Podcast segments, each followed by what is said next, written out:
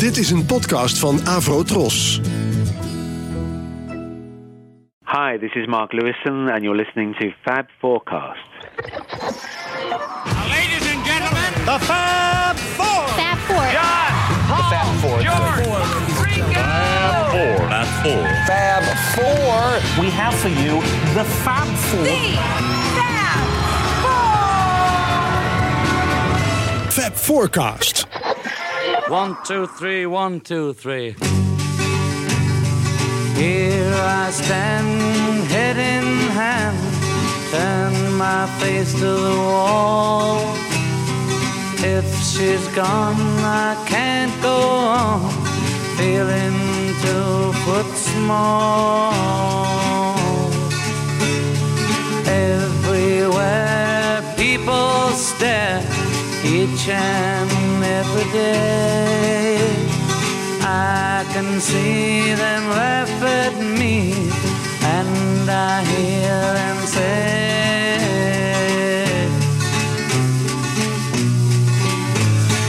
Hey, you've got to hide your love away. Hey, you've got to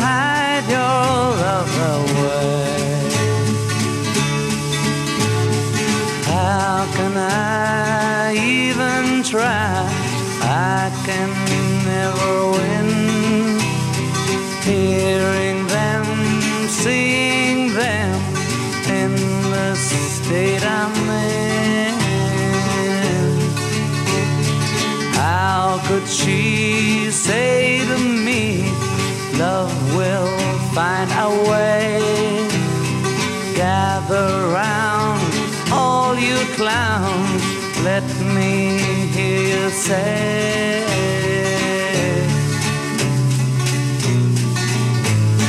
Hey, you've got to hide your love away. Hey, you've got to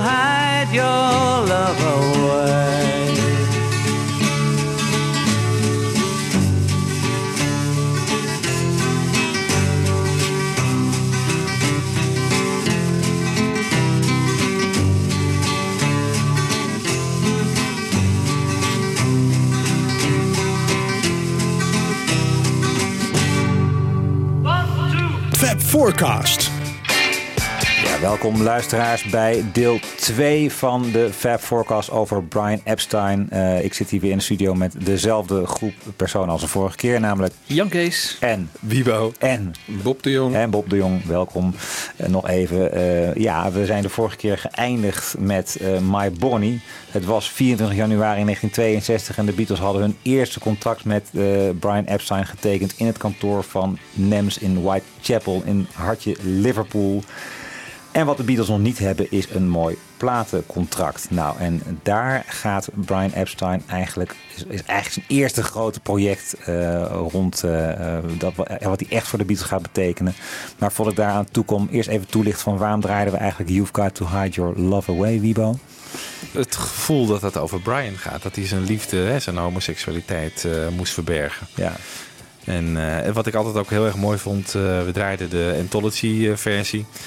In eh, de Anthology TV-serie zit er ook zo'n heel mooi dit hele nummer, die alternatieve versie, met allemaal beelden over Brian. Dat vond ik zo'n mooi moment erin. Dus eh Ja. vandaar dat ik hem even weer. eh, Dus het is ook echt zo. Ik bedoel, Lennon heeft zich daar nooit over uitgelaten. Wat eh, precies. De, oh. Nee, maar het, de titel is natuurlijk wel op, Ja. op hem van toepassing. Ja, Hij, hij kon er niet openlijk voor uitkomen dat hij homoseksueel was. Dus ja. Nou goed, we gaan het even hebben over de, over de invloed van, van Brian op de Beatles. Eh, en dat zit al in hele kleine dingen. Hè? Dus eh, ze krijgen pakken van Pierre Cardin aangemeten. Eh, de bekende Beatles-buiging komt van Brian Epstein. Was zijn bedenksel. Hè? Van, je moet iets, van, iets, iets theatraals doen. Ook een goed theatraal gebaar in je show maken. Dat wordt de bekende Beatles-bouw die ook uit de koker van Epstein komt. Hij regelt betere plekken waar ze kunnen gaan spelen. Ehm, niet meer zomaar elke club eh, waar ze even eh, een centje kunnen verdienen is goed genoeg voor ze. Dus daar gaat, daar gaan we zo meteen nog over praten. En hij wil dat het afgelopen is met het gezuip en het geschreeuw en het gescheld eh, op het podium. Het geflirt met vrouwen, het, het gerook. Hij, wil, hij, hij, hij maakt eigenlijk gewoon een stuk strakker, een veel strakkere band van ze. Maar het allergrootste is eigenlijk wat hij voor ze betekent. Op, op korte termijn, althans in de eerste weken nadat dat eh, contract is getekend. Nou nee, eigenlijk de eerste weken nadat hij met zijn kennis heeft gemaakt. Want dat is dus op 3 december 1961 is die eerste kennismaking in de eerste zakelijke ontmoeting in het kantoor van NEMS. Ehm, en in de weken daarop gaat hij eigenlijk met een enorme drive gaat hij proberen een platencontract voor ze te, voor ze te regelen. Want wat hebben ze eigenlijk? Op dat moment eigenlijk alleen maar dat ene singeltje, My Bonnie, die we aan het slot van de vorige aflevering draaiden. En wat wil Brian? Hij wil een contract. Het liefst, zegt hij, bij EMI. Ehm, en daar vind ik ook weer het boek van Ray Coleman heel interessant. Want die maakt eigenlijk heel erg mooi duidelijk dat de mythe die we eigenlijk allemaal kennen. Dat het bij Decca is begonnen. En dat ze daarna door naar, naar, naar EMI zijn gegaan. En daar uiteindelijk bij George Martin en met open armen worden ontvangen. Dat die eigenlijk maar zeer ten dele klopt. En dat eigenlijk het zo is dat ja, drie kwart zou je kunnen zeggen. Drie kwart van, van de poten van, van EMI al Brian Epstein heeft afgewezen. En dat hij daarna pas naar Decca gaat. En als hij bij Decca is afgewezen, dat hij dan bij ehm Parlophone uitkomt. Die, die, als ik zeg nu even een hele grote lijn, hè? komt je dat nou bekend voor als ik dat zo zeg? Of zeg je van nou, ik had, ik had die. Nee, nee, nee. De- wel dat er een aantal pl- platenmaatschappijen waren die hem hebben afgewezen. Ja, maar ook dat het IMI was, waar ze uiteindelijk ja. terecht zouden Ja, komen. Ja, zeker. Ja, ja, ja. ja, Voor mij was Ja. Decca de laatste, laatste mogelijkheid bijna. Ja, ja bijna. Ja. Bijna. Van, van de grote jongens, inderdaad. Ja. Ja, nee, dus, maar dat is wel toch wel even goed. Het was voor mij toch ook een beetje een eye-opener. Ehm, hij begint dus bij eh, Ron White. Ron White is een man van EMI. En wat heeft hij? En volgens mij is dit daar ook een beetje het probleem van waarom krijgt hij dat contract niet? Ja, hij heeft dat singeltje My Bonnie, waarop de Beatles dus niet eens zingen, alleen maar in de achtergrond te horen zijn. En dan zegt hij dus tegen die, die, die mensen van die platenmaatschappijen: luister eens naar die backing group, hoe geweldig ze zijn. Ja, dat, dat, dat vind ik toch altijd opmerkelijk. Dat Brian niet heeft begrepen, ik moet iets beters hebben dan dit. Nee. Nee. Ehm, hij doet nog wel iets meer trouwens. Want hij, hij nodigt dus eh, meneer, ehm, is dat eh, niet meneer White, maar een andere man van Decca. Is dat niet Dick Rowe, maar weer een andere naam. Ik weet niet precies wat zijn naam is. Die nodigt hij wel uit om naar de cavern te komen. Dus al ergens halverwege december is er een vertegenwoordiger, een A&R-man van Decca in de cavern om ze te zien. En daar wordt dan ook beklonken dat ze eh, korte tijd later dus een afspraak hebben om een auditie te doen bij Decca. Begin januari 62. Maar het is dus zo, na Decca gaat hij niet meer naar andere platenmaatschappijen toe, maar Jawel, dan... ja, Oh. maar een paar, hele kleine nog. Oh, dus oh. dus de, er- eigenlijk zijn er op een gegeven moment zijn ze echt een einde raad. Maar goed, Ja. ik ga even, kom, Ja, even nee, kom zo meteen op. Ja, nee, ik dacht dat het Eh, allemaal voor eh Decca zich Ja, eigenlijk is maar- het, een beetje, het loopt een beetje synchroon. Hij zet eigenlijk in van nou, het liefst zegt hij wil die Decca hebben, maar goed, eh voor wil de IMI hebben, maar Decca is natuurlijk ook een heel mooi groot alternatief. Eh, volgens mij was Elvis eh, was onder het dak van Decca, dus dat is echt een echt een grote maatschappij. En als je toch groter wil, wil worden dan, dan, dan, dan Elvis, ja, waarom zou je dat dan niet op hetzelfde label doen? Dus hij zet al het spoor bij Decca in eh, door die man uit te nodigen en om naar de cavern te komen, maar gelijktijdig gaat hij ook al bij EMI leuren met, met het plaatje. En dat is een meneer Ron White van EMI. En dan zegt hij dus van ja, luister naar die backing group. Nou, die, die hoort dat dan aan en die zegt van ja, goed, het is, het is eh, aardig. En Brian Epstein stuurt echt een warme, eh, warme aanbeveling op 8 december 1961. Dus vijf dagen na hun ontmoeting, eh zijn eerste zakelijke ontmoeting. En hij zegt, Brian Epstein zegt, these four boys who are superb instrumentalists also produce some exciting and pulsating vocals. They play mostly their own compositions and one of the boys has written a song which I really believe to be the hottest material since Living Doll. Een bekende plaatje van eh, Cliff Richard. Ehm, en ja, tot de grote teleurstelling eh, van, van Brian eh, laat die meneer White een- A, een beetje lang wachten op een reactie. En uiteindelijk komt dan de reactie. En dan zegt die meneer White, ja, drie van mijn vier A&R-mannen, waaronder dus die Norrie Paramore, ja. dus die, die concurrent van George Martin. Ja.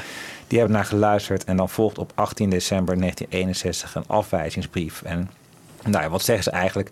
Ja, we, vinden het prachtig wat u, eh, dat, dat u al die pogingen heeft gedaan, maar we hebben al genoeg van dit soort groepen in huis. Dus eh, dat is dan de eerste formele afwijken, afwijzing van E EMI. Heb je enig idee wat dat nummer was wat Brian nou zo mooi vond? Hè? Wat, eh, wat beter was dan, dan, dan Living Doll? Ja. Of, Ja, eh, de hottest material. Ja, Ja. dat is een goede vraag. Wat, wat, geweest zijn? Ja. Ze hebben dus iets geschreven wat beter is dan Living Doll. Wat zou dat zijn? Ja, maar ze schreven toen ook niet meer echt, hè? Het was zo'n Nee. zo'n eh, zo'n periode dat... eh, eind jaren 50 schreven ze wel. Toen hebben ze een hele tijd niet geschreven. Ja, nee, Volgens mij ja, heeft op- Brian ze aangespoord. Op om Decca de- staan wel twee eh originals. Ja, Like Dreamers Do. Volgens Ja. mij zijn dat de oudjes, hoor. En Hello Little Girl is ook al oud. Daar zou Ja. ik aan denken. Hello Little Girl of zo. Maar om nou te zeggen Ja. dat het, dat Ja. het beter is dan Living Nee, Doll. Dat, eh, nee, overdreven Love of natuurlijk the Loved.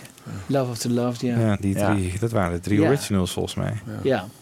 Maar goed, het is, het is grappig dat dus die Ron White, die schrijft eigenlijk al met, met dus vergelijkbare bewoordingen als later Dick Rose al doen van, eh, van Decca. Van ja, we hebben dit soort groepen, kennen we eigenlijk al. En guitar groups are on their way ja, out. is nog wel, nog wel iets Dat is- erger. ja, nog wel iets erger. dat ben ik wel met je eens.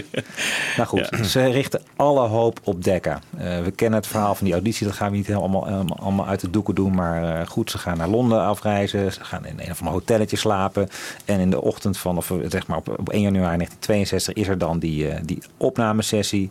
En ook dan weer duurt het vijf weken voordat Brian iets hoort van, eh, van Decca. Ja, en dan voelt hij eigenlijk aan dat het niet goed komt. Dat het niet goed zit en dat dat contract bij Decca dus ook aan hun neus voorbij zal gaan. En Brian is, is eh, nou, uiteindelijk volgt dan op 6 eh, februari 1962 volgt die afwijzing. Hij mag op lunch komen in Londen. En daar vertelt Dick Rowe dus van inderdaad, the guitar groups are on their way out.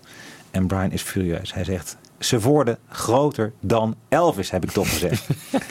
en, en die Dick Rowe, die kan ding denken, deze man is gewoon gek. Laat, laat hem maar praten. Het is gewoon wat wij hebben gehoord, is echt niet groter dan Elvis. En als troostprijs eh, geeft hij, eh, en, en ook een beetje om Brian als platenhandelaar tevreden te houden, want daar had een belang bij om geen ruzie te hebben met de grootste platenhandelaar van Noord-Engeland. Eh, zegt hij van nou, als jij nou 100 pond betaalt aan mij, Brian Epstein, dan wil Tony Meehan van The Shadows, die kennelijk toen ook nog in dienst was als een soort, eh, ja, eh, soort, soort man van, van Decca, die wil dan wel helpen om een goede plaatopname van de Beatles te laten maken. En dat overweegt Brian heel even, maar hij vindt het eigenlijk gewoon ridicuul dat hij dan 100 pond zou moeten betalen. En uiteindelijk wijst hij dat af in een brief van 10 februari 1962. En daar zegt hij nadrukkelijk tegen Decca: Het hoeft niet meer, want er is al een andere maatschappij die inmiddels interesse in ze heeft. Waar helemaal niks van waar is. maar hij bluft een beetje. Nou, eh, dus, dus een drama. Want EMI zegt af, Decca zegt af. En wat ga je dan nog proberen? Je hebt nog een paar andere, kleine, andere kleine maatschappijen. Je hebt Pi nog. Dat gaan ze, daar houden ze niet zo van rock'n'roll. Ze adviseren een betere presentatie. Oriole wordt helemaal niks. En ook een Nederlands platenlabel, Philips. Philips wijst de Beatles ook af. Dat Oh. moet ook even gezegd worden. Ja, dat moet, Oh, nee. voor die historie Ja. is dat toch leuk? Ja. In plaats van altijd maar dat gezeik Ja. over Decca. Philips moest ze ook niet hebben. Nee. Dus zelfs de kleinste rotmaatschappijtjes willen ze gewoon niet hebben. En nou ja, eh, ehm, eh, het is wel aardig als je McCartney daarover hoort. Ja, dan kwam, kwam Brian weer eh, terug uit Londen met weer echt een slechte boodschap. We hebben niks kunnen regelen. Er is weer geen contract. Ik geloof dat op een gegeven moment Lennon dan zegt van er is misschien nog wel dat kleine label wat je bij Woolworth kon je dan kennelijk op de balie hadden ze een soort plaatjes met allemaal covers, allemaal draken van muziek en eh, nou, misschien moeten we dat dan maar proberen. Ehm, maar goed, eh, dat, eh, dat was een beetje gekscherend. Er, er, er is gewoon eigenlijk gewoon een reëel probleem. Hoe gaan we in godsnaam aan dat contract komen? Nou, er is veel wanhoop. Er zijn twee personen die nog vertrouwen houden. Dat zijn Brian Epstein en George Harrison. Die, zijn, die laten zich niet, die denken van er zit, eh, het gaat echt wel komen, komt wel goed. Nou en dan, een paar maanden later, op 8 mei 1962, gaat Brian in een soort wanhoopspoging voor de laatste keer naar Londen. Hij gaat naar de HMV, dus uh, hoe heet het ook weer? Her Majesty, Her Master's Voice, ja. grote, grote platenzaak. En daar kunnen ze van die Decca auditietapes een, een, uh, een plaatje maken. En misschien, uh, ja, denkt Brian, dan kan ik daar toch nog wat mee proberen de man die dat op plaat kan zetten, die, die is toch wel onder de indruk. Denkt van dit, dit klinkt best wel lekker, joh. Wat, waar, waarom is het zo'n probleem? Uh, en Brian vraagt van ja, ik vind ik ook. Maar heb jij nog een goede naam? Kan jij nog iemand bedenken? Nou, hij kent dan een Sid Coleman. En Sid Coleman werkt bij EMI. De man die de muziekpubliciteit doet bij de EMI. En EMI zegt eh, of die komen en zegt van... heb je eigenlijk wel geprobeerd om George Martin te benaderen? En Brian, Brian zegt van, George Martin, wie is dat? Die werkt bij EMI. Die runt het comedy label bij EMI, Parlophone. Nog niet aan gedacht. Nou, Brian Epstein belt met George Martin. Hehe, en zo komt het uiteindelijk toch nog goed. Maar wie, was, ja, wie was die man bij de HMV-shop? Die, eh, Ja. Ja, dat, die, die- is ja. ook cruciaal. Ja, je hebt, zo- je hebt een aantal van die schakels. Hè? Dus Raymond Jones is heel belangrijk. Maar de- Deze man ook. deze man ook. Die Bob, kun jij dat eens gaan uitzoeken? Ik heb een, een project eh, in de schoenen Ja. geschoven. Ja. Je moet al remix maken. Ja. ja, ja, Ja. druk.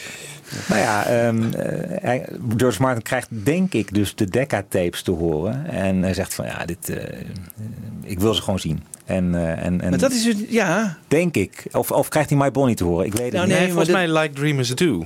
Van de Decca-tapes. Ja, volgens mij is dat Ja. een van de nummers die op die eh, terecht is gekomen. Ja. Want daar was eh, volgens mij de publicatietak van EMI Wel was daarin Oh, geïnteresseerd ja. als nummer. Ja. Want die wilden graag de publiceerrechten, hoe noem je dat? ja, Ja, de, de, de, de publicatierechten. auteursrechten en zo. Die wilden ze daarvan hebben.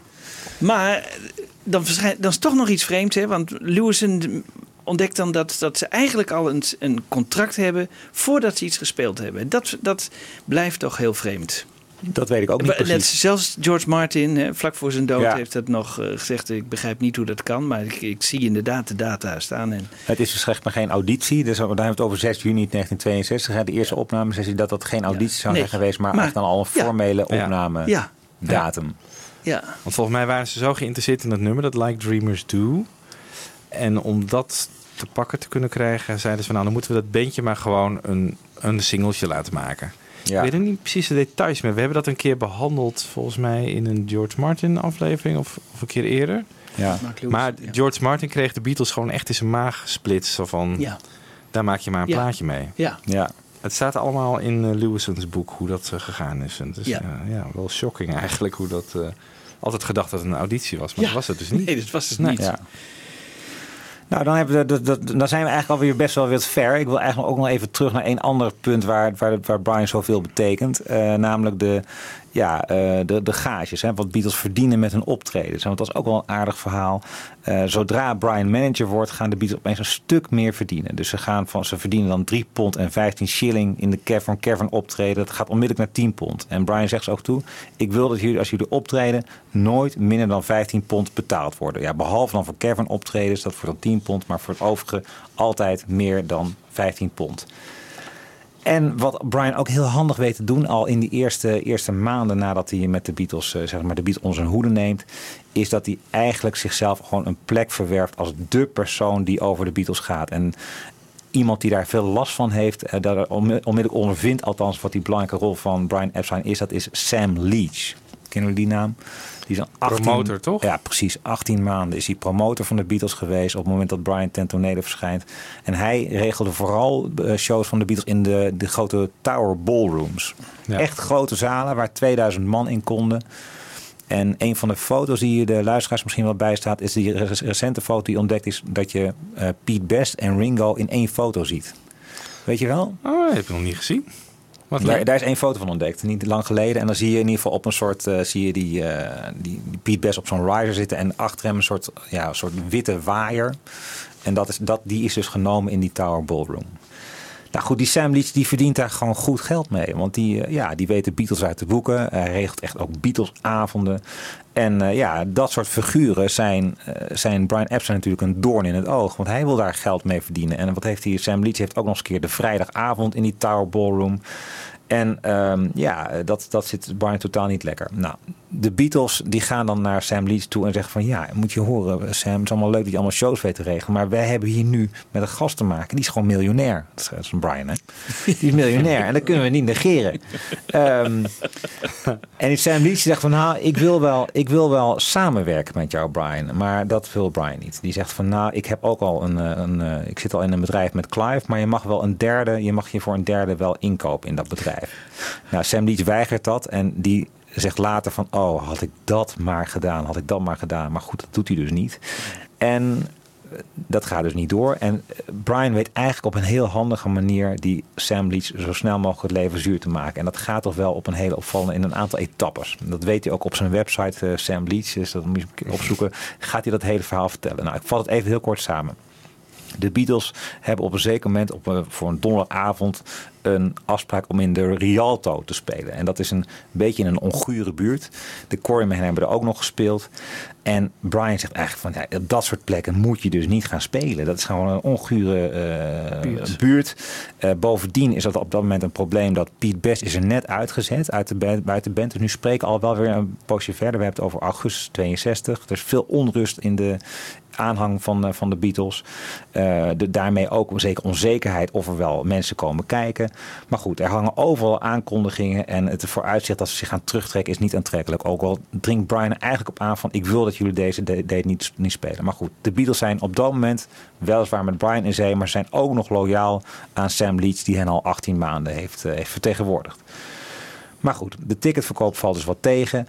En eh, nou, de Beatles gaan er toch spelen. En dan doet Sam Leach iets heel doms. Want hij heeft op dat, die, die avond drie bands eh, naast de Beatles eh, ehm, eh, op het podium gehad. En hij gaat naar de kleedkamer om al die bands uit te betalen. En wat, wat is dom wat hij doet? Hij gaat eerst al die andere bands uitbetalen. En aan het eind heeft hij dan te weinig geld om de Beatles uit te betalen. De Beatles zouden 30 pond krijgen voor dat optreden. En hij heeft maar 11 pond. Dus hij moet nog 19 pond betalen. Nou, dat wordt een scène in de kleedkamer. En normaal gesproken zouden de Beatles daar nooit moeilijk over hebben gedaan. Maar nu Brian opeens bij is, ja, zo ga je dus niet met je artiesten om. Dat doe je gewoon niet. Ehm, nou, Brian Epstein stelt aan Sam Leach een eis. Van jij komt morgen onmiddellijk die 19 pond aan mij betalen. Nou, zo geschiet. Dus een, een- ongeveer een dag later, aan het begin van de avond, komt Leach die resterende 19 pond betalen. Maar Brian zegt, ik moet die 19 pond niet, want ik heb een nieuwe eis. Vanavond staan de Beatles weer onder jouw hoede in een bepaalde zaal.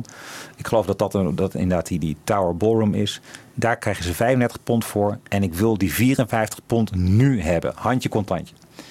Nou, nou ging het vaak zo dat laatkomers, dus mensen die zeg maar eh, naar het concert gingen en een beetje laat aankwamen, die zorgden wel dat, dat uiteindelijk die, die, die, opbrengst van zo'n avondje con- concert dat het wel, wel goed kwam. Dus aan het eind van de avond zou je het geld wel hebben, maar aan het begin van de avond niet. En Sam heeft dat geld dan dus ook niet, heeft die 54 pond niet.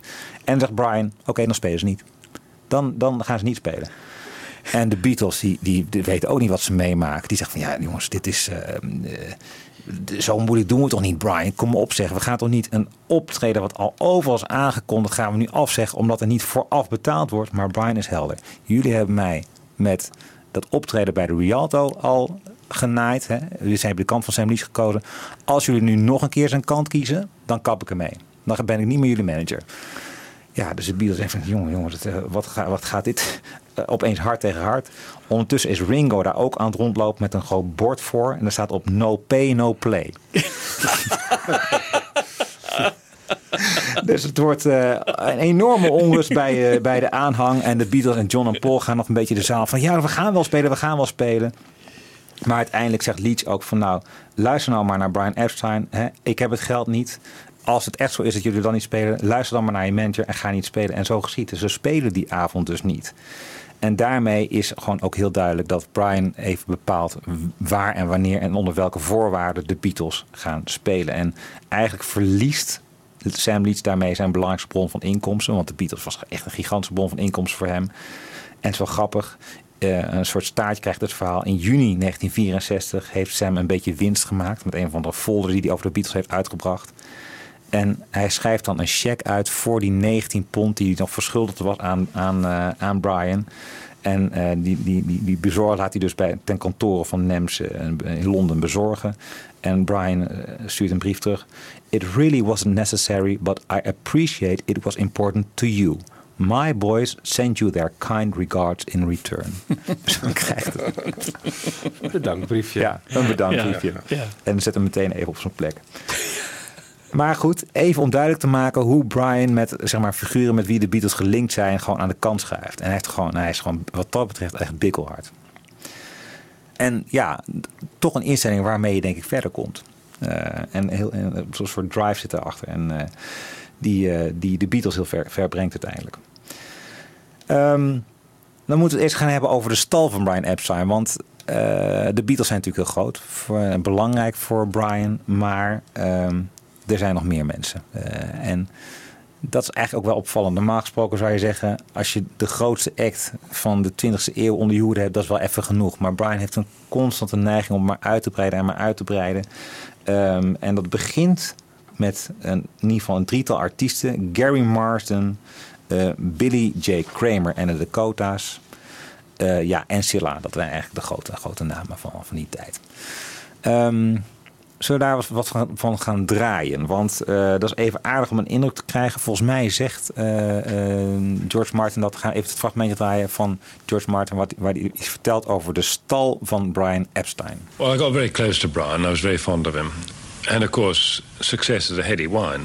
And success became almost a runaway thing. And he was enormously um, uh, fired by it. He was completely taken over and possessed by it, really, because he um, it was a something completely new to him. You know, he'd never had this, uh, but it was justified, vindicated his great faith, and so it was a, a roller coaster from then on. And he and I worked very closely together. I told him that the only way to cope with this, we mustn't burn this out too quickly. We must conserve it. Um, we mustn't issue too many records one after the other. And then, of course, as success became more easy, so he would find other people and bring them to me and inundate me with new acts. Jerry was the next one after the Beatles. And Jerry, I thought, was very good. I really did enjoy Jerry, working with Jerry, and um, I thought he had something distinctive, had a very distinctive voice, and he was quite a good musician. We had three hits in a row with him, a hat trick, three number ones. Ja, laten we bekennen. How do you do it? Yes. Eén, één nummer één hit. Ehm, natuurlijk Ferry Cross the Mercy, ander nummer één hit. En I Like It. I like it, I like it. I like the way you run your fingers through my hair. And I like the way you tickle my chin. And I like the way you let me come in when your mama ain't there.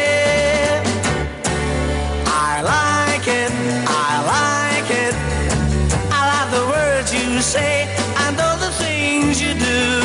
De Mercy Sound. Ja, de Mercy Sound.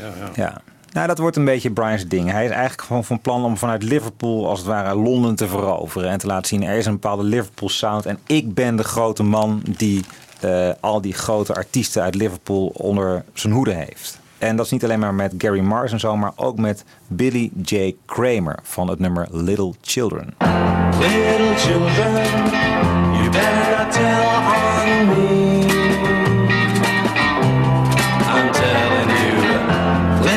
little children, you better tell what you see. And if you're good, I'll give you candy and a quarter. If you're quiet, like you ought to be and keep a secret with me. Ja, Billy J. Kramer, die die eh, tegenkomt bij een eh, Mercy Beat talent poll. En zo doet hij het vaker, Brian. Hij, ziet, eh, hij, woont, er, zo'n talentenjacht bij. En dan denkt hij van, nou, die artiest die, eh, die zie ik wel zitten. En als eh, de winnaar bijvoorbeeld, zegt hij dan op voorhand toe... die, die bied ik een plaatcontract. En zo heeft hij dus in 63 toch best wat, wat successen. Dus drie nummer één hits. Ik vat het even samen met Gary Marson al. En Billy J. Kramer met Do You Want To Know a Secret. Echt een enorme hit. Bad To Me wordt een hit. I'll Keep You Satisfied. En dit wat we net horen, Little Children. Maar Michiel, het was dus zo dat hij had dan al de macht om namens de platenmaatschappij een contract aan te bieden. Want, Ja, dat is eh, apart, hè? Ja. Dat, eh, eh, dus hij komt bij George Martin en zegt, nou deze moet je nu eh, opnemen. Ja. Eh, Die macht had hij dan schijnbaar eh, op dat moment. Ja, ik denk, eh, ja, George Martin hoor je daar net over zeggen, succes is a heady wine. Dus er was, door dat grote succes van de Beatles, maar bijvoorbeeld ook meteen dat grote succes van Gary and the Pacemakers, het beeld dat Brian, ja, die, dat, dat, dat, dat geeft je natuurlijk wel een zekere macht. Je, je hebt kennelijk het vermogen om goede artiesten te ontdekken en ze aan goed materiaal te brengen. Ja. Maar dat, het probleem is dat die laatste stap, het goede materiaal vinden, daar moet George Martin voor zorgen. Oh ja. En dat gaat dan een paar keer goed. Dat gaat met name goed in 63 als de Beatles eh, echt uit, uit hun mouw allerlei hitjes kunnen schudden, zeg maar, ook voor andere artiesten. Maar op een gegeven moment houdt het natuurlijk op. En dat is eigenlijk een beetje het, het algemene beeld waar we het zo meteen gaan horen van die, van die, die stal van Epstein. Ja, George Martin die, die trekt het op een gegeven moment niet meer. Die, eh, die denkt van ja, het is het materiaal wat ik krijg. Qua artiesten hield het soms echt niet over. En er is gewoon, er zijn niet echt goede, goede hits.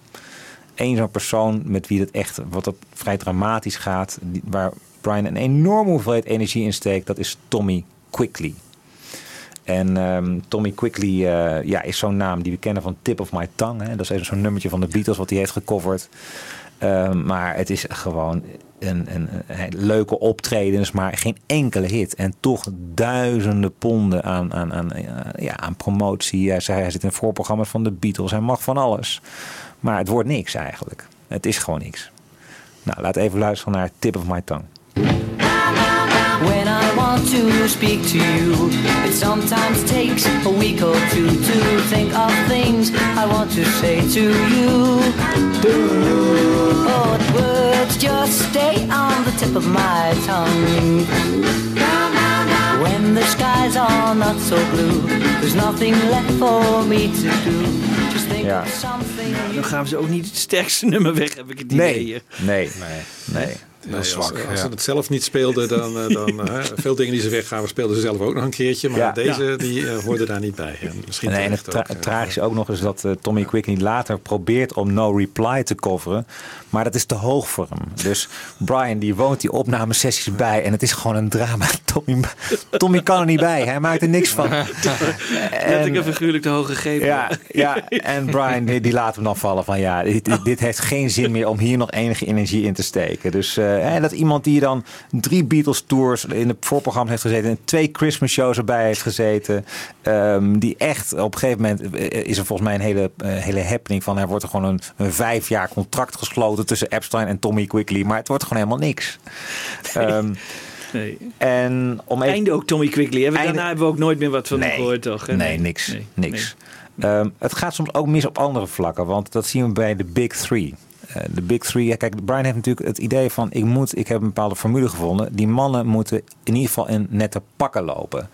En de Big Three, die stonden een beetje bekend als de, de ruige versie van, van de Beatles. En dit echt, zeg maar, zoals je de Stones ook niet in een Pierre pak moet hijsen, moet je bij de Big Three ook niet doen. Dat, doen ze, dat doet Brian dan wel. Nou, dat doen ze dan aan. Ehm, Eén keer als Brian in de buurt is. En dan, dan komt op een gegeven moment Brian ter oren van... nee, jullie hebben een optreden elders gehad. En wat heb je met het kleedgeld gedaan?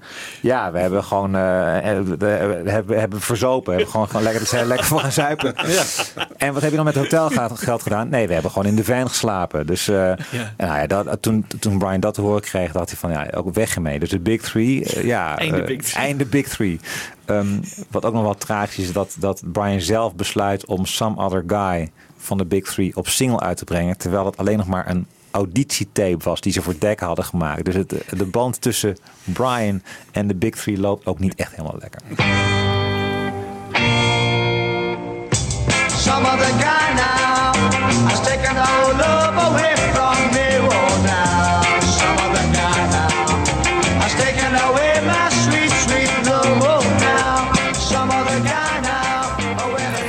Is het niet, hè? Nee. Als je, als je zo graag bekend wil staan en dit, wat, Ja. deze wat tamme uitvoering. eh, Die drummer van de Big Three had toch ook een hekel aan de Beatles, hè? ja, Was het die eh, Gustafson of zo? Tommy Hutchinson? Hutchinson, Hutchinson ja. Oh, John- Ja. Johnny Hutch. Ja. Johnny Oh, Hutch. Johnny. Oh ja, Johnny Hutch. Die zou ook nog, eh, er was ook nog kandidaat voor Piet Best te vervangen. Oh ja, Maar dat eh, wilde hij niet. nee. Nee.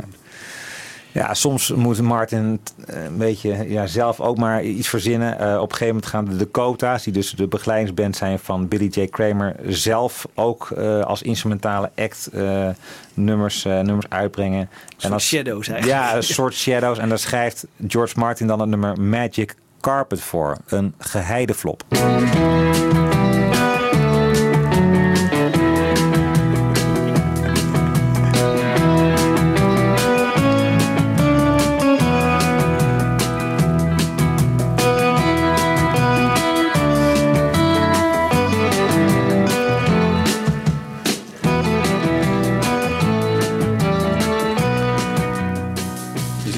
Cowboys door de prairie eh rijden. Ja, Ja. muziek. Ja, maar het lijkt wel een beetje Shadows, terwijl de Shadows toen eigenlijk alweer een beetje op hun retour waren. Ja. Dit, was, eh, dit, dit is, was ook niks. Ja.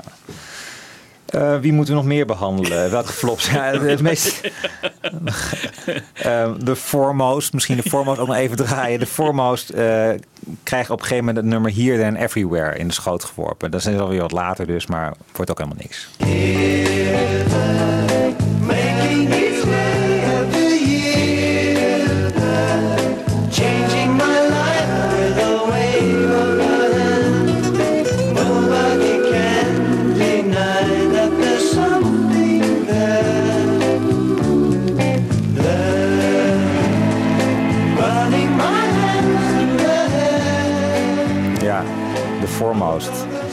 Naam die we ook eh, denk best zo snel mogelijk kunnen vergeten. En dat geldt ook, en dat is wel een grappig verhaal, voor ene Michael Haslam. Je zou ook denken van Michael Haslam, verzin een aantrekkelijke artiestennaam voor Michael Haslam, dat doen ze niet. Ehm, die komt hij op het spoor ergens in de zomer van 1964. En Brian Epstein is meteen weg van hem. Ik denk ook, het was gewoon een mooie jongen. Misschien dat dat ook wel meespeelde. Hij krijgt meteen een plek in het voorprogramma van de Beatles. Eh, maar, eh, even nog even een stapje terug. Brian ziet hem een avond. Eh, Michael Haslam kijkt in, het publiek en denkt van... wat is dit? Is dit echt Brian Epstein die naar mij komt kijken? Nou, het, het wordt nog gekker. Want Brian Epstein diezelfde avond... eh, stuurt hij een telegram naar Michael Haslam en zegt... Consider yourself under my management. En de tapes die ik van je heb gehad zijn great. Maar er moet iets veranderen. Hij moet een pak aan. En Michael Haslam heeft altijd een gitaar. En die gitaar die moet weg. En daarover zegt Michael Haslam later... het is alsof ik geen armen meer had. Ik bedoel, het is alsof je gewoon ook niet snapt... wat een artiest maakt of zo. Hè? Dus, dus eh, hij probeert een soort mal op sommige personen te leggen. En dat wordt gewoon een drama. Ehm, nou, ook hier wordt George Martin weer ingeschakeld. Die moet het nummer There Goes the Forgotten Man... van Burt Bacharach en Hal David... eh, eh, moet, hij- moet iets van maken. Nou, laat even een klein stukje horen. Oh yes,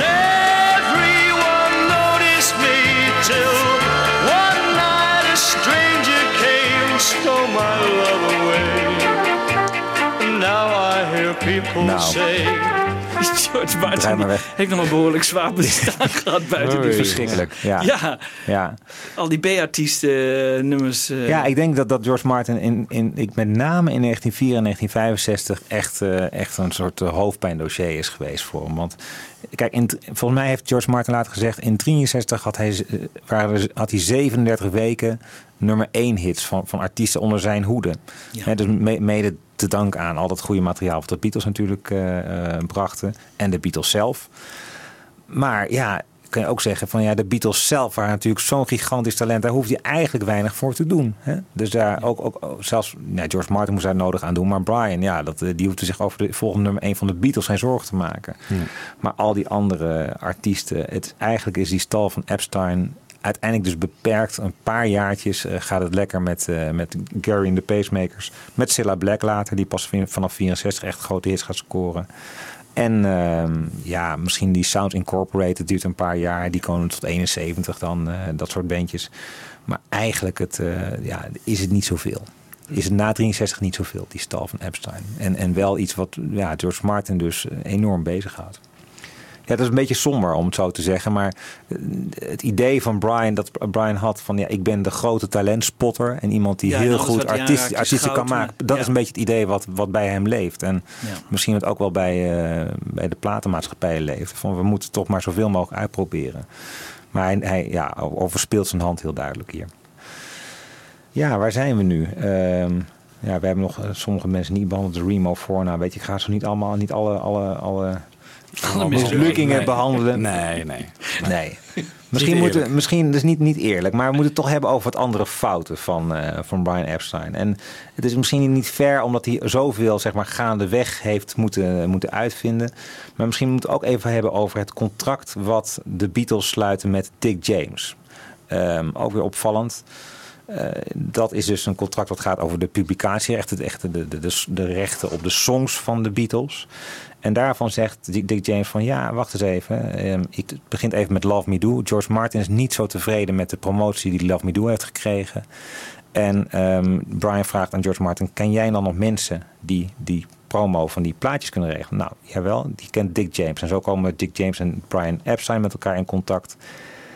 En dan zegt Brian Epstein van nou, misschien kan ik, ehm, eh, kunnen we iets voor elkaar betekenen. En Dick James komt met een revolutionair idee. Wat nou als we in plaats van dat we nummer voor nummer apart gaan promoten en de publicatierechten apart gaan regelen, dat we gewoon een maatschappij oprichten, Northern Songs geheten. En dat we daar gewoon die rechten van die nummers in onderbrengen. En dat wij allemaal eigenaar zijn, dat de Beatles als songschrijvers, Lennon en McCartney, en ik, eh, Dick James en Brian Epstein. En Brian Epstein vindt het een geweldig idee. En dan zegt Brian Epstein, wat is dan een redelijk percentage? Nou, Dick James heeft wel bedacht, die vindt bijvoorbeeld, we zeggen 51% voor mij. Ehm, en jij, Brian, ik geloof 20%. En de overige percentage gaat dan naar de Beatles. En dit is natuurlijk het meest dramatische contract wat de Beatles, ik geloof ergens begin 63 afsluiten. En Brian die ja, niet doorheeft hoe nadelig dit contract eigenlijk voor hem is. Voor, voor de Beatles ook is. En misschien ook wel voor hem. Maar die Dick James, ook een opvallende figuur. Hij heeft zelf ook nog muziek gemaakt. Robin Hood, Robin Hood, riding through the glen. Robin Hood, Robin Hood, with his band of men. Feared by the bad, loved by the good. Robin Hood, Robin Hood, Robin Hood. Nou, dat was al in Brian's eh, straatje volgens mij. Ja, dit was dit eigenlijk. eh, ja. Het idee van Dick James was misschien, ja, het klinkt raar, maar in die tijd eh, wel redelijk slim. Hè? Want het was in die tijd hele hoge eh, tarieven in de inkomstenbelasting. En ze begonnen te verdienen. Ja. Dus ze moesten inderdaad in, in de 90% eh, inkomstenbelasting eh, betalen over alles wat ze kregen. Ah, ja. En op deze manier hadden ze dus geen inkomsten aan hun, hun, eh, hun eh, songrechten. Maar het geld ging gewoon in dat bedrijf zitten. Ja. Waar, je dan veel minder eh, belasting over hoeft te betalen. Dus dat was een soort eh, een grote kapitaalvat waar gewoon de, de gelden instroomden. Ja. Om, om de inkomstenbelasting te, Ja. te Ja. omzeilen op die manier. Dus dat, dus dat was wel In die zin. overal een financieel idee. Alleen de verdeling was natuurlijk wat eh, Ja. onevenwichtig. Maar Ja. het, het plan op zich, dat, dat was wel slim. Ja. Ik geloof dat George ook nog met 1,8% erin zat of zo. Oh ja. Maar die, die richt uiteindelijk ook zijn eigen maatschappijtje op. Ja, later. Ja. Ja. Ja. Ja. Ja. Nou ja, het, het, het, het, het is, de Beatles hebben later een enorme haat naar die Dick James ontwikkeld. Eh, en dat is met name als ik geloof dat ergens in 69 is of zo, dat Dick James, zonder dat de Beatles het weten, die Beatles rechten weer doorverkoopt aan ATV. Ja. Eh, en daar dus ook dan eigenlijk gewoon Ja, want- niet meer dat ge- gewoon eh, de recht op hun eigen nummers ontgaat ze gewoon, ontschiet ze gewoon. Schijnbaar maakt Epstein dus een contract met, voor onbepaalde tijd. Ja, dit loopt altijd maar door. Het is Ja. niet zo, want het platencontract eindigt op een gegeven moment in 66. Hè? Dat wordt dan in 67 vernieuwd. Maar dit niet, want dit, dit gaat Nee. schijnbaar door. En dan, volgens mij eindigt het pas eh, bij, bij de splitsing van de Beatles. En dan gaat het nog even door, In geloof ik. 76 of zo bedoel je dat? Zoiets, ja. De- hoe dat precies weet ik ook niet. Maar eh, Ja. het, het, het, het is in ieder geval een onvoordelig contract geweest. Ja. Wat hij heeft afgesloten. Nou, zo komen we, als het over onvolledig contract gaat en, en vreemde percentages, moeten we het ook even hebben over het celtape debakel. Celtape, dus de Beatles net omgedraaid. Ehm, en dat gaat over de merchandising van, van de Beatles. Dus alle, alles wat ze verdienen met pruiken, met jurkjes en met wekkers en radio's en weet ik het allemaal. Nou, misschien eerst even Tony Barrow daarover aan het woord laten. When the American tour business started to roll in, American tours should have been accompanied by authorized and controlled merchandising, where Brian Epstein could have got a huge percentage for the Beatles. Um, in gist, he blew that. It is worth recalling that there was not a word about merchandising in Brian's management contract with the Beatles, nor indeed with his earliest recording contracts with EMI for the Beatles and his other artists. Merchandising was not, in those days, considered to be uh, um, anything more than a very much of a peripheral sideline. So a lot of money was lost, but I don't believe it was particularly Brian Epstein's fault. Or to put it a different way, I don't believe that anybody else in Brian Epstein's shoes at the time could have coped with that gigantic situation that exploded. Ja, nou, dit is echt een, een dossier wat Brian eigenlijk tot aan zijn dood dwars zit. Het celtape do- dossier. Hij, hij maakt dus een verkeerde inschatting. En Tony Barrow is hier ook, vergoelijkt dat. En zegt van ja, jongens, dat, eh, in die tijd eh, was dat echt niet iets wat speelde eh, bij, bij artiesten. Dat je ook misschien heel veel geld kon verdienen met merchandising. eigenlijk is het een, een, onderwerp waar Brian niks mee te maken wil hebben. Hij heeft dan Da- David Jacobs, is een advocaat, een bevriende advocaat, die zegt dat moet jij maar regelen. En die David Jacobs die, die, die heeft nog wel een vriendje, Nicky Byrne is dat. En die Nicky Byrne die, eh, die vraagt hij van, nou, heb jij misschien zin om een beetje die merchandising onder je hoede te nemen? Nou, die heeft helemaal geen enkele ervaring mee, maar die zegt van, nou, dat wil ik wel doen. Eh, dan moeten we even tot een contract komen. En Wat is dan een redelijk percentage?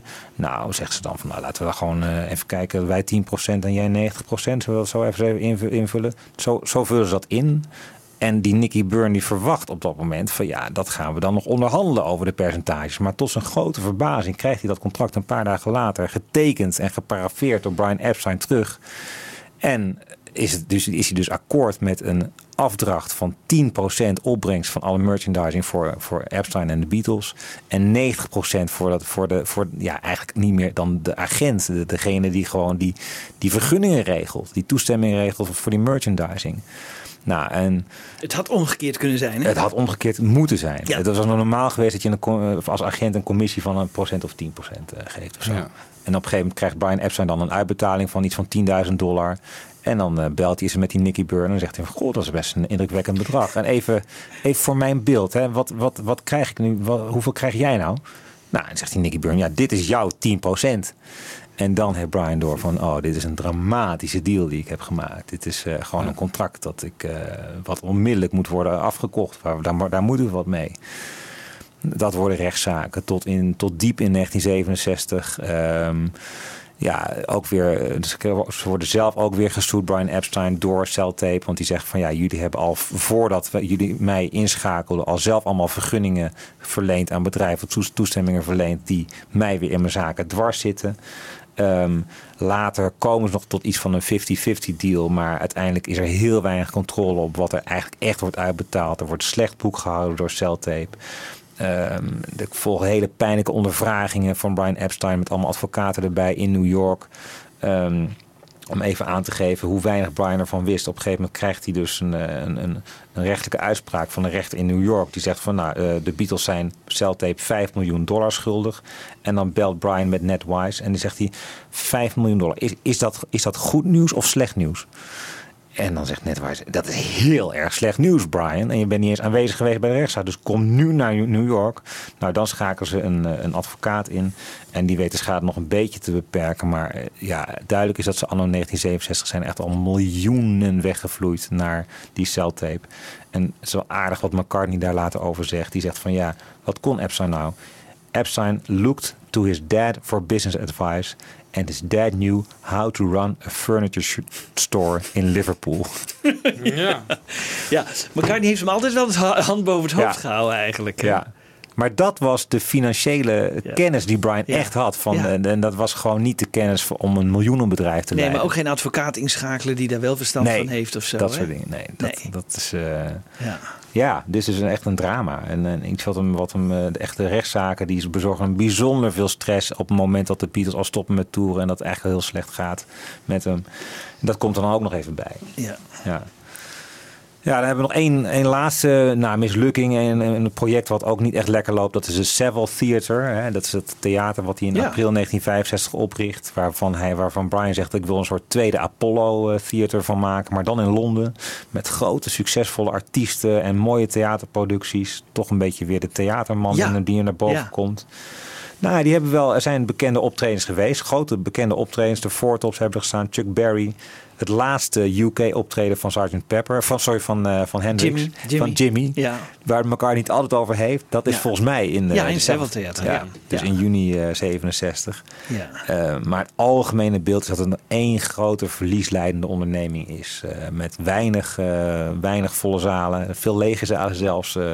Ja, hij loopt gewoon leeg op, op dat theater. En ja, Beatles hebben daar ook nog eh, Hello Goodbye geloof Precies. ik opgenomen. Ja. ik denk dat dat na zijn dood, denk ik. eh, ja. ja. Persconferentie na de NBA dacht ik ook daar. Ja, Ja, ja, dus dat, dat, dat, Dat het wel. toen al, in 65? ja ik geloof het wel. Dat, Oh, eh, ja. dat- Het zou heel goed kunnen, want in april 65 opent hij het. Ja, Ja, ja, zie je, dus het is, eh, dat is oktober of wat is dat nog? Ja. Ja. Ja. Nou ja, ehm, dan zitten we in, in 65. Laten we nou zo langzamerhand gaan we naar het einde toe. Uh, want 66 is gewoon een, een, dramatisch jaar natuurlijk voor de Beatles in heel veel opzichten. In muzikaal opzicht gaat het allemaal geweldig. Maar de tours zijn natuurlijk verschrikkelijk. Um, Budokan uh, in Japan krijgen ze doosbedreiging omdat ze in een soort heilig, uh, heiligdom optreden. Dat gaat er helemaal mis. Um, in de Filipijnen, dat incident, de incident daar, dat trekt Brian zich zeer aan. Omdat hij eigenlijk als, hij zegt van één ding wat ik altijd wil garanderen is de veiligheid van mijn jongens.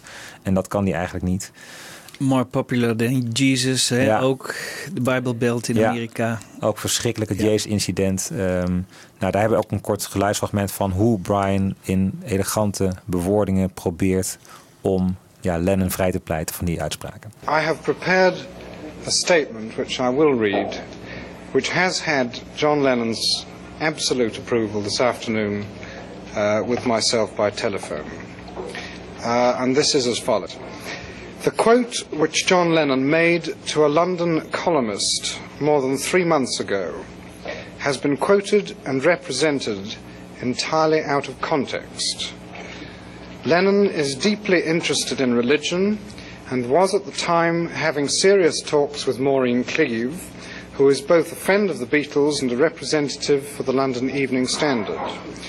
The talks were concerning religion. Uh, what he said and meant was that he was astonished that in the last 50 years the Church in England, and therefore Christ, had suffered a decline in interest. He did not mean to boast about the Beatles' fame he meant to point out that the Beatles' effect appeared to be, to him, a more immediate one upon certainly the younger generation. The article, which was in depth, was highly complimentary to Lennon as a person and was understood by him and myself to be exclusive to the Evening Standard. It was not anticipated that it would be displayed out of context and in such a manner as it was in an American teenage magazine. And in these circumstances, John is deeply concerned and regrets that people with certain religious beliefs should have been offended in any way whatsoever. De, hij voelde zich natuurlijk verantwoordelijk, hè, Epstein. Want hij had dat interview geregeld. Hij zei, uh, ze, ze, kwam eerst geloof bij McCartney thuis en daarna bij Lennon. En uh, uh, ja, hij, hij wist natuurlijk dat Lennon een ongeleid projectiel was. En hij ja. nam daar een risico in. Maar hij heeft dat wel geregeld. Hij voelde zich waarschijnlijk ook mede Enorm schuldig, ja. Enorm schuldig. Ja. Ja, plus dat natuurlijk ook, ook zijn PR-mensen moesten dat allemaal weer oplossen natuurlijk. En moesten daar dat was een heikele zaak. Ja, nou dat, dan, dat gaat dan over de USA. Nog even, even terug naar de, naar de Filipijnen. Um, daar, daar loopt het dramatisch af. En de Beatles vliegen dan door naar India, uh, naar Delhi. En daar gaat het eigenlijk al heel erg slecht met Brian. Uh, hij gaat, verroert zich eigenlijk niet daar, blijft gewoon in zijn hotel. een paar dagen later gaan ze terug naar Londen. En in het vliegtuig krijgt hij opeens overal bulten, uitslag. Op het vliegveld staat dan ook een ambulance klaar en die brengt hem meteen naar het ziekenhuis. En eigenlijk vanaf dan, en dan spreken we een beetje over september 66, uh, rond, die, rond die tijd. Ja, gaat het gewoon slecht met Brian. Hij ja. krijgt allemaal depressies. Hij is eigenlijk gewoon een, een manisch-depressieve patiënt op dat moment. Die eigenlijk ook geen hulp zoekt. Is hij dan ook drugs gebruiken? Uh, al enige tijd. Uh, en dat is eigenlijk de combinatie die dan heeft tussen, tussen uppers en downers. Dus je neemt een, een downer, een pilletje om je in slaap te brengen. Omdat je eigenlijk te actief bent.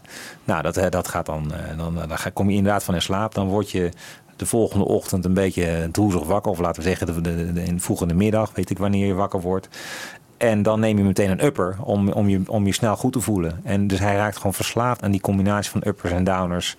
En uh, ja, daar, daar gaat hij uiteindelijk ook, terwijl de Beatles Sgt. Pepper opnemen, uh, gaat hij in rehab. Gaat hij ook naar de, in de Priory, gaat hij uh, ja, toch proberen van die verslaving af te komen. Dat lukt enigszins, maar nooit volledig eigenlijk. En uh, dus niet echt drugs in de zin van LSD of zo, dat, uh, dat neemt hij ook wel. Maar vooral pillen. Pillen, pillen, pillen. En daar is hij gewoon verslaafd aan.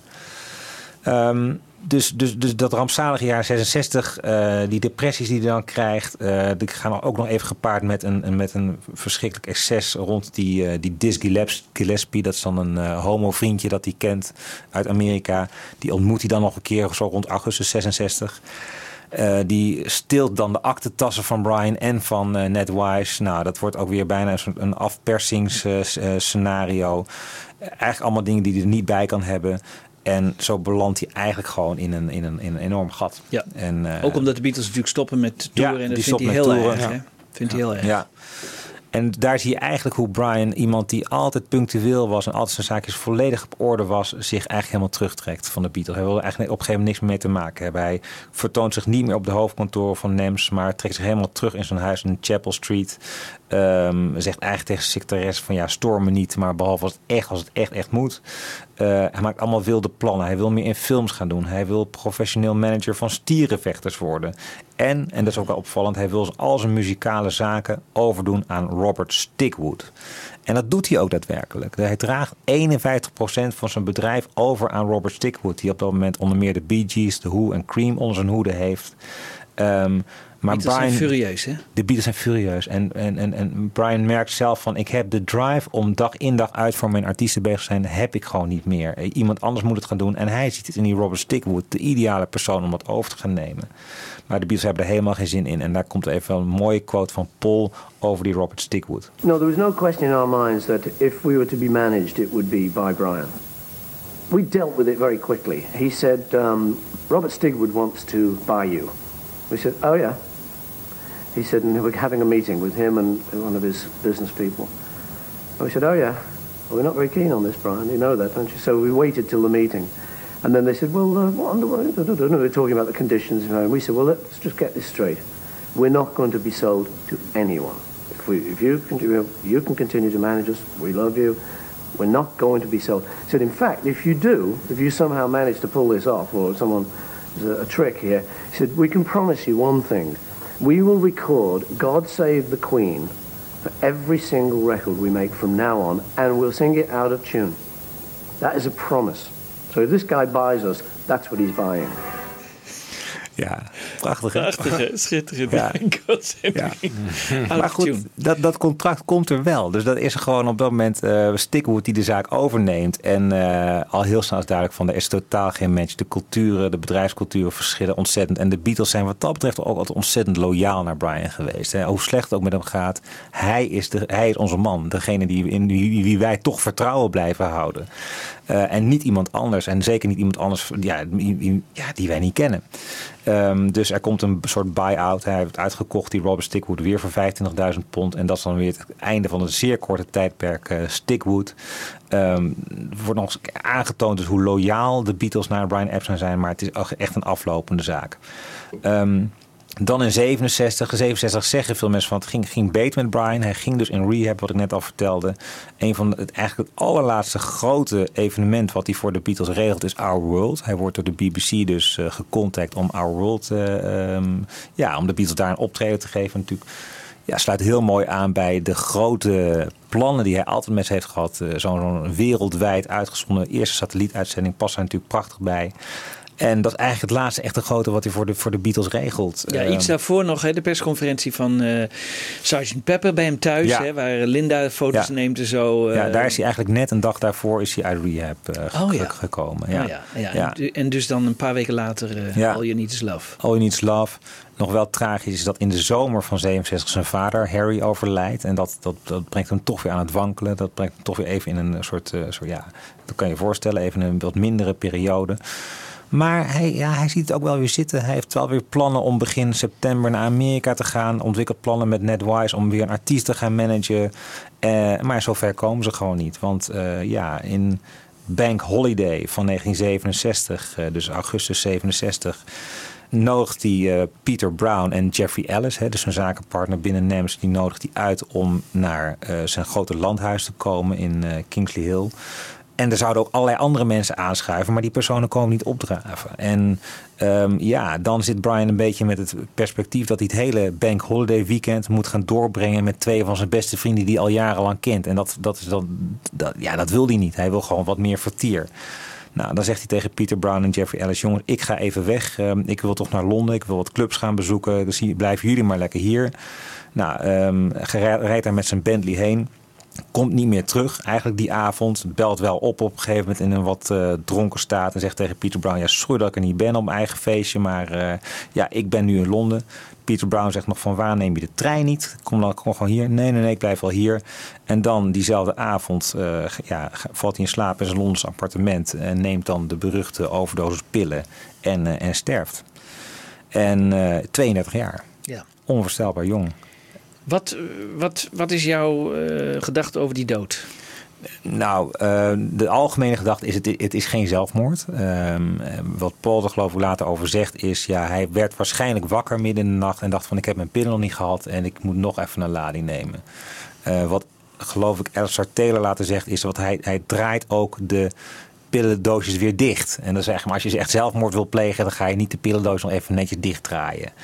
Daar komt bij, zijn vader, vertelde ik al eens net overleden. Hij zou het waarschijnlijk zijn moeder Queenie niet hebben aan, eh, aan willen doen. Dat hij, eh, laten we zeggen, een paar weken later zelf even eh, de pijp aan Maarten geeft. Dus dat, dat, dat zou eigenlijk slecht in het karakter van Brian als family man. Als iemand die echt zo hartstochtelijk van zijn ouders houdt. Zou er niet bij passen. Ehm, dus ik geloof niet dat het zelfmoord was. Dus dat het zou een afscheidsbrief zijn? nou, dat, dat is ook wel weer interessant. Want later gaat Joanne Peterson, dat was zijn persoonlijke assistent. Die gaat zijn paparazzen, eh, die, die gaat de woning zeg maar leegmaken. En die komt, eh, die komt inderdaad zijn notitieboek tegen. En daar, zit, daar komt ze twee afscheidsbrieven tegen. Ook gericht aan zijn moeder. En die zijn een beetje sussend van aard. Van maak je geen zorgen, ik ben in een goede plek. Maar ik trok het gewoon niet langer. Nou, dat is een beetje de strekking. Hele korte briefjes. En daar schikt ze natuurlijk enorm van. Dus hij heeft wel eh, ja, eerder met zelfmoordplannen gewoon rondgelopen. Dus dat, dat, dat maakt het natuurlijk toch wat, eh, ja, de vraag van wat is er nou precies gebeurd. Maar ik geloof niet dat hij die welbewuste avond echt het plan had om zelfmoord te plegen. Nee. Ja, dus zo. eh, Hij was ook nog bezig hè, met eh, de hoes van Sgt. Pepper Ja. eh, uit Oh ja. te zoeken. Hij Dus wilde hij- een bruine ja. hoes of zo wilde Ja, hij. wel een brown Ja. paper bag of iets Ja, dergelijks. In plaats van zo'n dure foto Ja. voorop. Dus hij ja, vond dat het eigenlijk heeft, geen goed plan. Hè? Nee. Dat was allemaal te ingewikkeld met copyright. En al die mensen moesten natuurlijk individueel toestemming geven voor die, voor die foto. Dus hij dacht, eh Ja. bruine hoes is beter. Dus Ja. Het geeft aan dat hij ja, wel bezig was en, eh, en, en eh, erbij betrokken was. Ja, moest toen natuurlijk een eh, nieuwe rol zien te vinden, omdat de Beatles niet meer toerden. Dus ja. Ja. Ja, ja. En inderdaad, wat jij zo straks zei van Apple, dat had wel een hele leuke. Want de Apple, dat speelde ook al een beetje. speelt al, dat heeft hij nog geweten dat dat ging, eh, Ja. ging komen. En dat vind ik ook wel weer opvallend, want er zijn wel mensen die hebben gezegd van ja, Apple en Alan Klein zou nooit zijn gebeurd als Brian Epson nog zou hebben geleefd. Terwijl Ja, Apple wel, denk ik. Nou, Apple wel. Hij, hij zegt ook vaak, hij heeft, over Apple heeft hij echt letterlijk gezegd van ja, eh, de jongen, het zijn geen kleine jongens meer. Ze, weten, ze moeten zelf weten wat ze met hun geld doen. Op een gegeven moment gaan ze ook die Griekse eilanden kopen. Zegt hij het eigenlijk hetzelfde. Van ja, het zijn misschien rare streken, maar eh, ze moeten het zelf weten. Dus hij zat er niet heel erg bovenop of zo. En of hij de chaos van Apple in die staat waarin die toen verkeerde, 6768, even in goede banen hebben kunnen leiden, dat is echt zeer de De. Magical Mystery Tour had hij misschien een betere producer opgezet. hè? Ja. Dat dat in ieder geval niet zo'n zo'n chaotisch drama drama was. eh, Nee. zou zijn geworden. Dat maar dat is natuurlijk sowieso al een project wat echt heel erg met zijn dood samenhangt. Want als Jess McCartney die probeert iets Ja, te, ja. te bedenken. Ja. Dus of dat nou, of nou die, die zakelijke chaos heel erg anders zou zijn gelopen als Brian er nog was geweest, dat, dat, dat vraag ik toch Ja. wel te betwijfelen. Ja. Nou ja, jullie kennen allemaal de beelden van de Beatles op het. eh, want ze zijn dan in Bangor. Hè, ze hebben een lening van, lezing Ja. van de Marici bijgewoond. eh, dat zat Brian ook niet lekker, die hele Marici. Dacht van ja, ze zoeken een soort nieuwe vaderfiguur. Ik ben er toch altijd voor ze. Waar, waar staat dat op? Ja. Ja. Eh, en die Brian, die dan ook weer opvallend dat die, sorry, dat, dat die Marici dan tegen de Beatles zegt van hij is niet echt dood. En dat hoor je Brian, George Harrison ook echt zo, zo na, nabouwen van ja, hij is niet dood, alleen zijn. ja. Het schijnt dat George Harrison dat ook nog op de, de memorial tegen Queenie heeft gezegd van hij is niet dood, want hij is alleen maar in een andere staat of zo. Nou, Queenie die denkt ook van ja, flikker even op man, ik heb mijn zoon zin niet meer. Ja, dus Ja. Ehm, Nee, maar het is gewoon eh, heel dramatisch. En eh, nou goed, over de precieze nasleep gaan we het niet meer hebben. Maar eh, zo komt toch het, ja, een heel tragisch einde aan deze figuur. Van wie je toch denkt van ja, met iets meer hulp, iets meer aandacht van, van sommige personen was het misschien toch niet gebeurd zo. Ja. Tragisch leven. Ja. Tragisch leven, ja. We hebben nog één trekje, Wiebo. Ja, Your Mother Should Know. Want dat is opgenomen op 22 en 23 augustus 1967. Ja. En op die 23 augustus was Brian er- erbij. Dat was de laatste opnamesessie van de Beatles die hij bijwoont. En vier dagen later eh, overlijdt hij. Ja. Ja. Dus ja, Het was ook het nummer dat Paul McCartney had bedoeld voor de All You Need Is uitzending eh, van de BBC. En maar Lennon kwam met All You Need en dat was natuurlijk een veel beter nummer. Dus, ja. Ah, grappig. ja. Ja. dus dat hebben ze anderhalve maand, twee maanden later hebben ze dat alsnog opgenomen. Ja. Nou, Michiel, wat een research, jongen. Ja, geweldig, ja. Michiel. We hebben eh, Ja. genoten van eh, deze twee afleveringen over Brian Epstein. Ja. Graag gedaan. En ga allemaal dat boek lezen van Ray Coleman. Want Ja, het is dat- echt, dat eh, raad echt je aan. smullen. Echt smullen, ja. Meer nog dan die andere? Ja, ik denk het wel, ja. Ja, ja, Oké. Goed, tot de volgende keer. En nog even Your Mother Should Know. Let's all get up and dance to a song that was a hit before your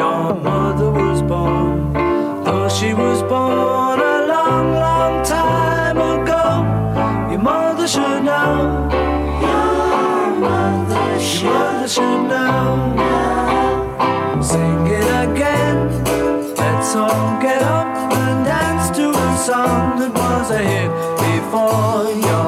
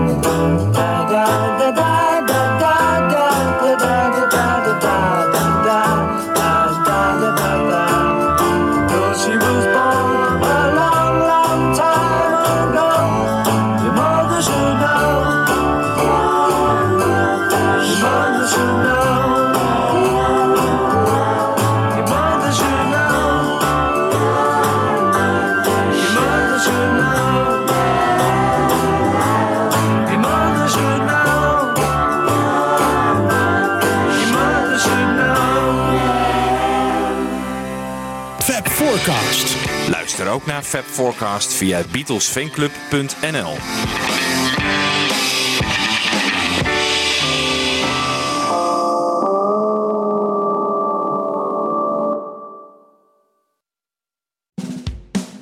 Dit was een podcast van Avro Tros. Wij maken tientallen podcasts per week. Van klassiek tot pop, van actueel tot archief, van reguliere radioshows tot speciaal voor podcast gemaakte programma's. Kijk voor meer podcasts op avrotros.nl.